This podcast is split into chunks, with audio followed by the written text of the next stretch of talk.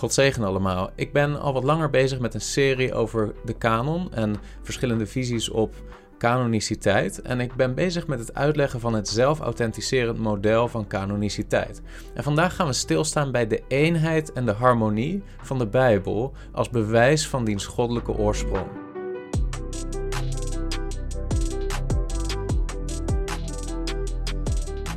Ik heb al meermaals in uh, mijn eerdere video's uitgelegd hoe het zelfauthenticerend model van canoniciteit er ongeveer uitziet. En ik wil dat kort herhalen. Ik hoop ook in de toekomst, als ik verschillende video's over dit onderwerp heb voltooid, een soort korte samenvatting te geven, zodat je echt helder een beeld hebt van wat het model is en uh, in een paar korte zinnen antwoord kunt geven op de vraag: waarom geloven wij als christenen dat juist de 66 boeken die wij vandaag de dag in onze Bijbel terugvinden, dat die daar ook in horen, dat die kanoniek zijn en andere boeken niet? En we hebben gezien dat dat zelfauthenticerend model voor canoniciteit, zoals Michael Kruger dat ook beschrijft in zijn boek Canon Revisited, bestaat uit uh, drie ingrediënten. Het eerste is providentiële blootstelling. Daar heb ik al een eerdere video over gemaakt. Het tweede is attributen van canoniciteit. En daar zijn we mee bezig geweest de laatste tijd. De derde is het intern getuigenis van de Heilige Geest.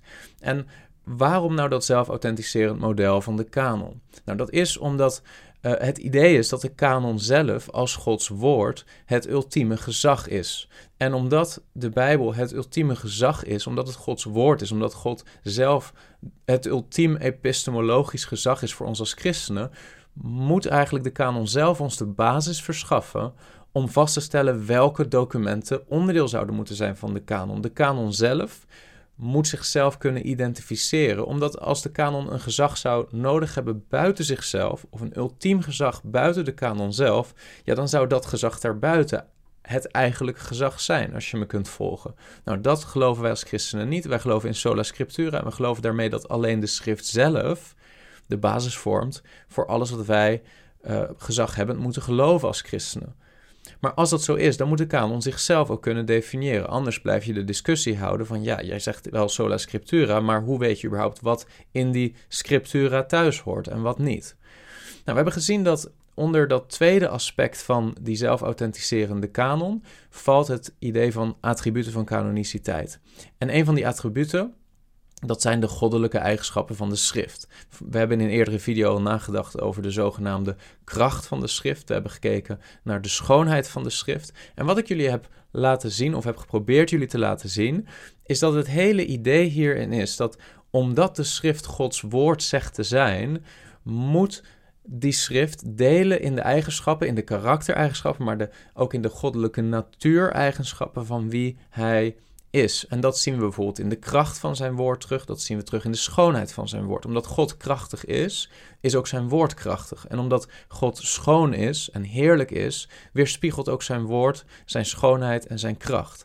Vandaag zullen we kijken naar een derde goddelijke eigenschap van de schrift. En dat is de zogenaamde eenheid en harmonie van de schrift. Omdat God zelf intern consistent is, omdat God niet liegt, omdat God een eenheid vormt, omdat God alleen maar waarheid spreekt, omdat God eh, en zeker de ontologische drie-eenheid en de functionele drie-eenheid van Vader, Zoon en Heilige Geest een eenheid van harmonie is, verwachten we dat de schrift ook dat weerspiegelt.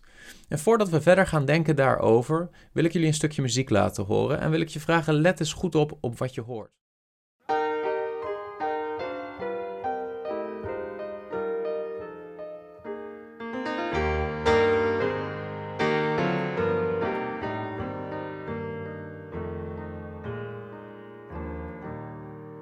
Nou, wat valt op in dit mooie muziekstuk? Wat opvalt is dat er verschillende jazzakkoorden worden gespeeld door de pianist, die zekere dissonante noten bevatten. Noten waarvan je niet meteen zou denken dat ze bij elkaar een harmonieus geheel zouden kunnen vormen, en toch doen ze dat. Toch, wanneer je er naar luistert, dan klinkt het niet vals, maar dan klinkt het in harmonie. Dan wordt er één boodschap, één muziekstuk, één gevoel uitgedragen door deze verschillende dissonante akkoorden ondanks dat de noten die, die de akkoorden samenstellen verschillend zijn, wanneer je ze samenvoegt, komt er één harmonieus geheel uit. Er zitten geen valse noten in. Er is geen interne contradictie. Als dat wel zo zou zijn, zou je het meteen merken. Zeker als je een beetje muzikaal bent.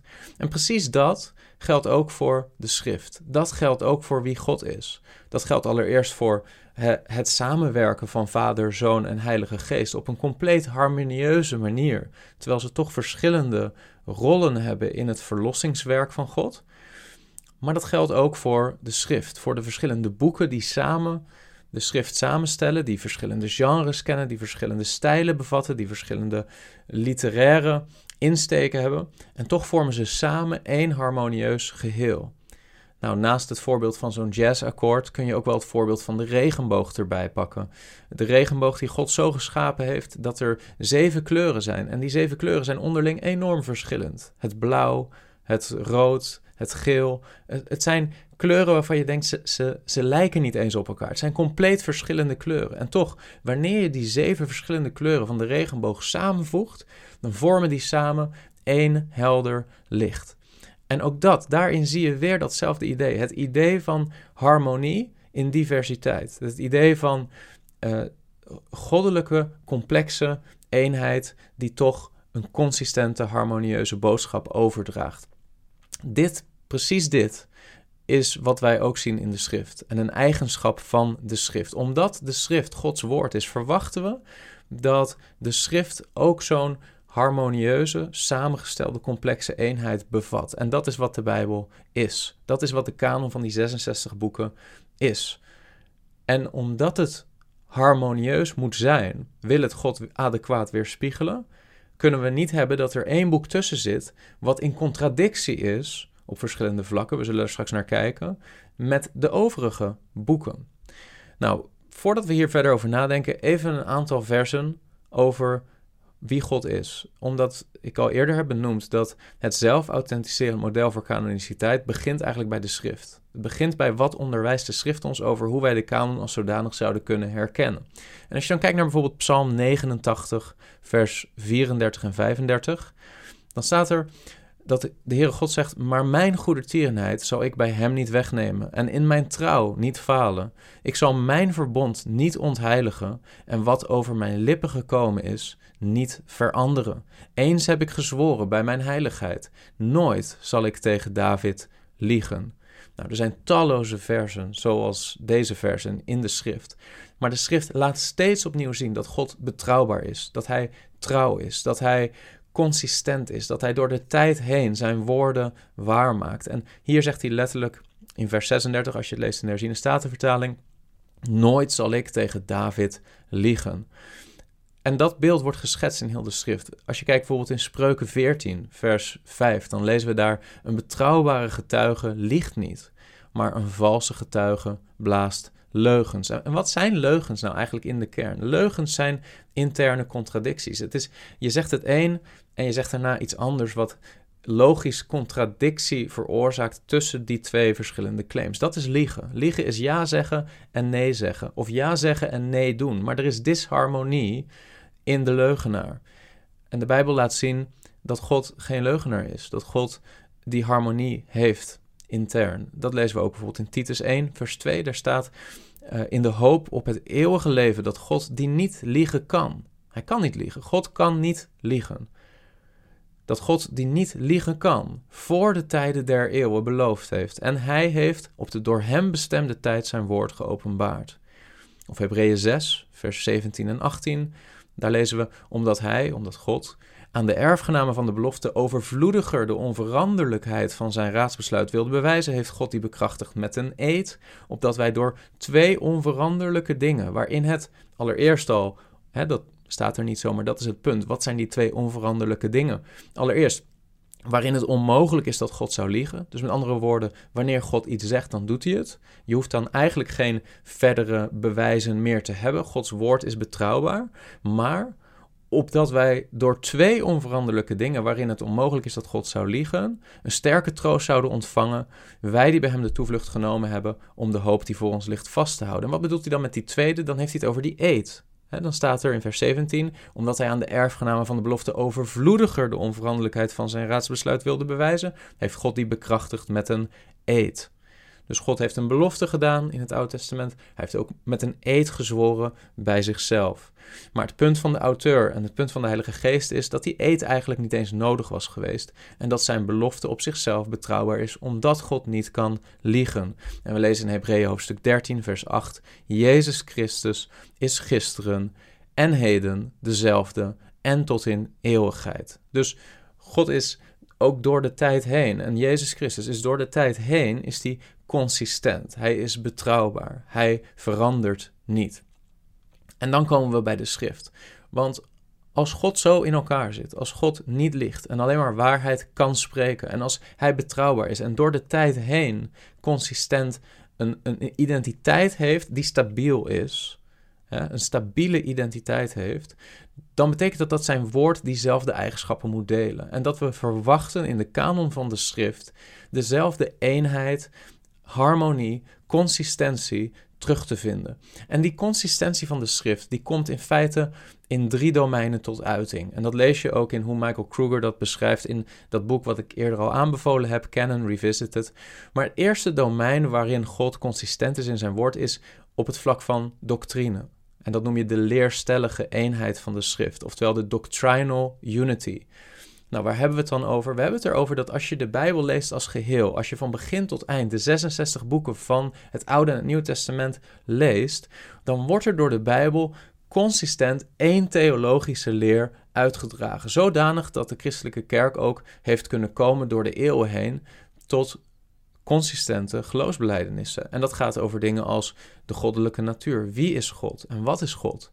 Maar ook de natuur van de mens, ook het volk Israël, ook het doel en de structuur van de kerk, ook de persoon en het werk van Christus. Wie is hij? Wat, wat is hij? Wat voor natuur heeft hij? Maar ook dingen als de boodschap van vergeving en verlossing, de boodschap van en het belang van levensheiliging, de boodschap van de rol en de functie van de sacramenten in de kerk, zoals het heilige avondmaal en het dopen met water, uh, dingen als eschatologie, al die verschillende domeinen die vallen onder theologie en over de leerstellingen van de kerk. Daarin zien we dat de schrift een consistente boodschap uitdraagt. En natuurlijk is het niet altijd makkelijk om te komen tot een harmonieuze definitie van bijvoorbeeld de natuur van God soms lezen we iets over God in een gedeelte van de schrift, over zijn eenheid, zijn absolute eenheid. En toch zien we in het Nieuwe Testament bijvoorbeeld dat er drie personen zijn die zichzelf identificeren met die naam van God,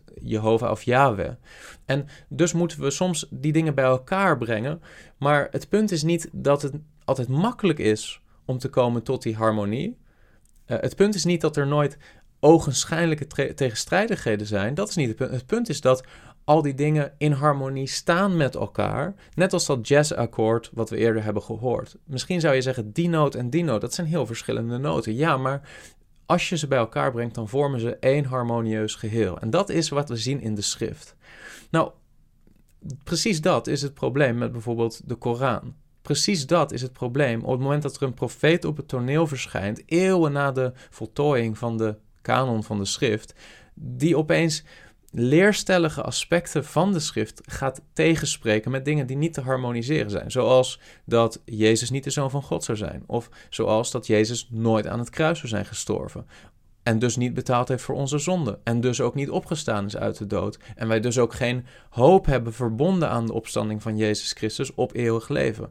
Dat is zo'n evidente contradictie en niet te harmoniseren met de leer van het Nieuwe Testament, dat we alleen al daarom het niet kunnen integreren en zien als delend in die consistente natuur van God. Met andere woorden, we moeten boeken die niet delen in die harmonieuze interne consistentie verwerpen. En dat heeft de kerk ook altijd gedaan. Dat is de reden waarom het evangelie van Thomas of het evangelie van Petrus tweede eeuwse documenten uh, die bepaalde claims maakten verbonden te zijn aan apostolisch gezag, dat die verworpen werden. Ze werden verworpen omdat de leer bijvoorbeeld beïnvloed werd door een andere bron, namelijk het gnosticisme. En dus leerstellige afwijkingen introduceerde in de leer van de christelijke gemeente. En de kerk heeft dat altijd erkend als een probleem. En dat is omdat het een Bijbels principe is. Als je bijvoorbeeld leest in Deuteronomium 18, vers 20, dan lees je: Maar de profeet die overmoedig handelt door een woord in mijn naam te spreken, dat ik hem niet geboden heb te spreken, of die in de naam van andere goden spreekt, die profeet zal sterven. En dat, dat zegt de Heer al door middel van Mozes. Er wordt al geanticipeerd op het feit dat er mensen zullen zijn die claimen te spreken namens God, maar dingen zullen zeggen die God hen niet geboden heeft te spreken, of andere goden verkondigen, of, en zo zou je het ook kunnen lezen, een andere naam brengen als God. God presenteren als iemand met een ander karakter dan het karakter zoals het ons gepresenteerd is door de ware profeten van God. Dus, en dan komen we weer terug bijvoorbeeld op het probleem met de islam, maar ook het probleem met het evangelie van Petrus of met het gnosticisme, het evangelie van Thomas. Het probleem is, zij vormen geen leerstellige harmonie, geen eenheid, geen consistentie met de eerdere openbaring van God. Het is niet alleen maar de leerstellige consistentie, het is niet alleen maar de leerstellige eenheid en harmonie, maar ook wat ze noemen de verlossingshistorische eenheid in de Bijbel.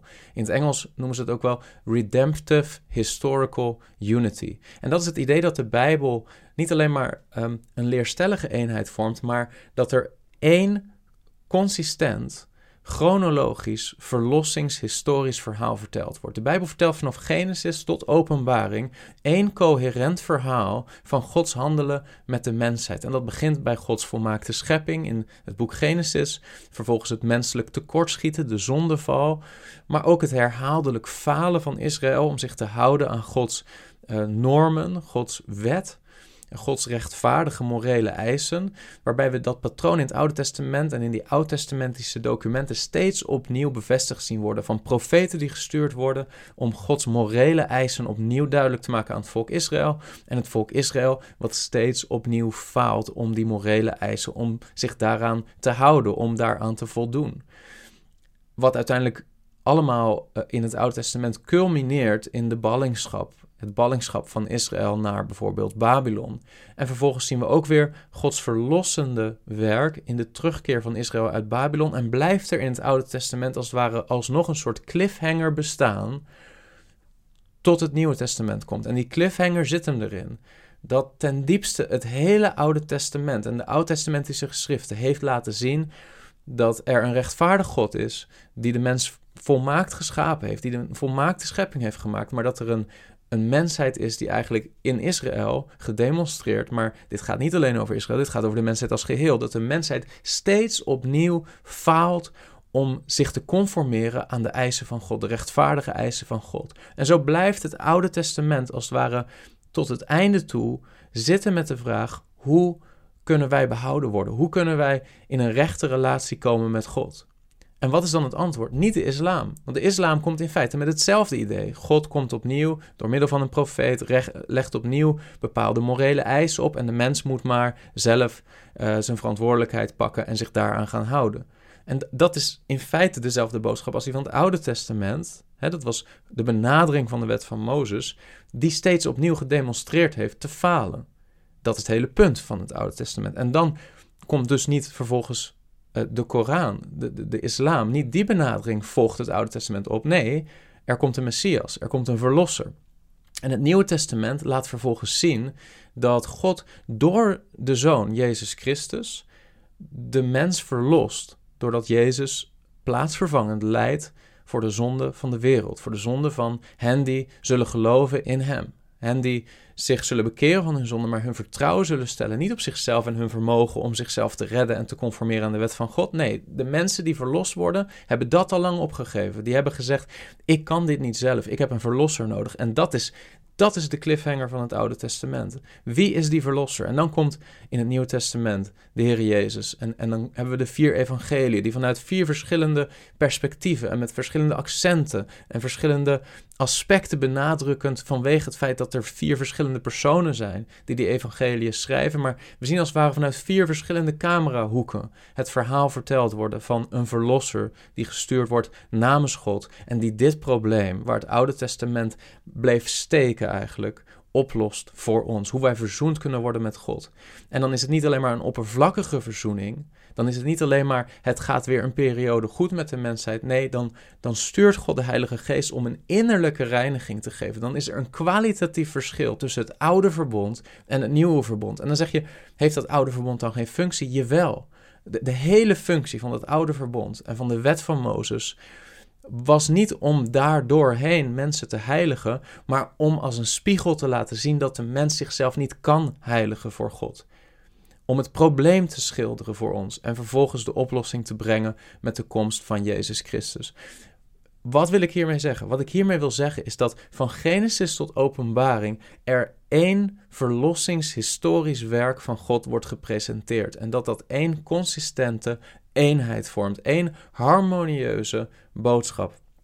En dat, dat is een heel, heel krachtig bewijs voor de inspiratie van de schrift, voor het feit dat de schrift goddelijk is, maar ook voor de canoniciteit van de boeken die wij nu hebben in de schrift, omdat juist die 66 boeken samen dat verhaal vertellen. Tot slot kunnen we ook nog iets zeggen over de structurele eenheid van de schrift. En dat is dat als je het Oude Testament en het Nieuwe Testament bestudeert, dat ze eenzelfde soort structuur bevatten. Allebei die gedeelten van de schrift, het Oude Verbond, het Oude Testament en de documenten die als verbondsdocumenten daaraan verbonden werden, en het Nieuwe Testament met de nieuwtestamentische verbondsdocumenten bevatten eenzelfde soort structuur. En ook daarin zie je dat er een harmonie is in Gods manier van communiceren en Gods werkwijze met de mens. En dat begint met de inauguratie van een verbond door een verlossend handelen door God. En, en dat gaat gepaard met een kerngebeurtenis, Gods handelen. En die kerngebeurtenis is in het Oude Testament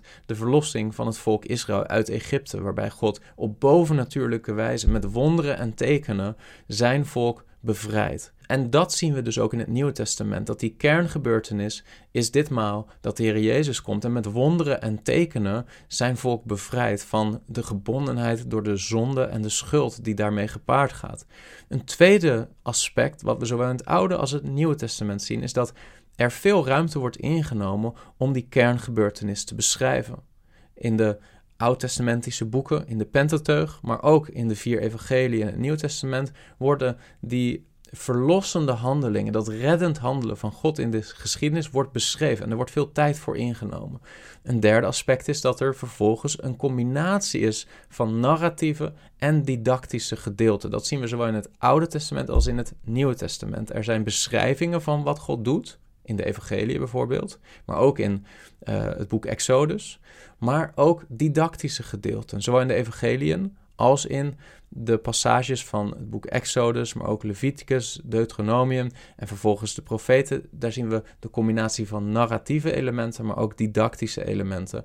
Een vierde aspect is, er is een focus, zowel in het Oude Testament als in het Nieuwe Testament, op het leven en de dood van de middelaar van het verbond. In het Oude Testament dan Mozes, in het Nieuwe Testament de Heer Jezus als middelaar van het nieuwe verbond. En tot slot een vijfde aspect, er wordt een wet of er wordt onderwijs gegeven middels die verbondsmiddelaar. Of dat het nu Mozes is of de Heer Jezus Christus. We zien dit patroon terug. We zien deze elementen terug in het Oude Testament en in het Nieuwe Testament. En er valt nog veel meer over te zeggen. Je ziet heel duidelijk een kanonieke eenheid en een, een soort gemeenschappelijke wijze van samenstellen van het Oude Testament en het Nieuwe Testament. Maar het voert te ver om alle overeenkomsten daarin te zoeken. Het punt is dat ook in de samenstelling van de kanon en in de samenstelling van het Oude Testament en het Nieuwe Testament, dat we heel duidelijk zien dat de documenten verbondsdocumenten zijn. En dat op die manier God laat zien hoe hij spreekt tot de mens en dat daar een eenheid en een harmonie in zit. Conclusie van dit alles, misschien ingewikkeld, maar de conclusie van dit alles is dit. Wij geloven dat de 66 boeken die wij vandaag de dag hebben in onze kanon, dat die zichzelf bewijzen goddelijk geïnspireerd te zijn en goddelijk samengesteld te zijn op grond van de interne harmonie, de eenheid en de consistentie te midden van diversiteit. Dat is een krachtig bewijs van de goddelijke oorsprong van de Bijbel, maar ook een belangrijk demarcatiepunt, een manier om te weten welke boeken horen nou wel in de kanon en welke niet. En het is een van de belangrijkste redenen om latere openbaringen te verwerpen en waarom de kerk bijvoorbeeld nooit de profeet Mohammed heeft gezien als een ware profeet, omdat zijn leer in contradictie is, in tegenstelling is, een tegenstrijdige leer is met de leer van de Heer Jezus Christus en het evangelie van zijn dood en opstanding. En dat is ook de reden geweest dat het evangelie van Petrus en het evangelie van Thomas nooit geaccepteerd zijn als goddelijk geïnspireerd.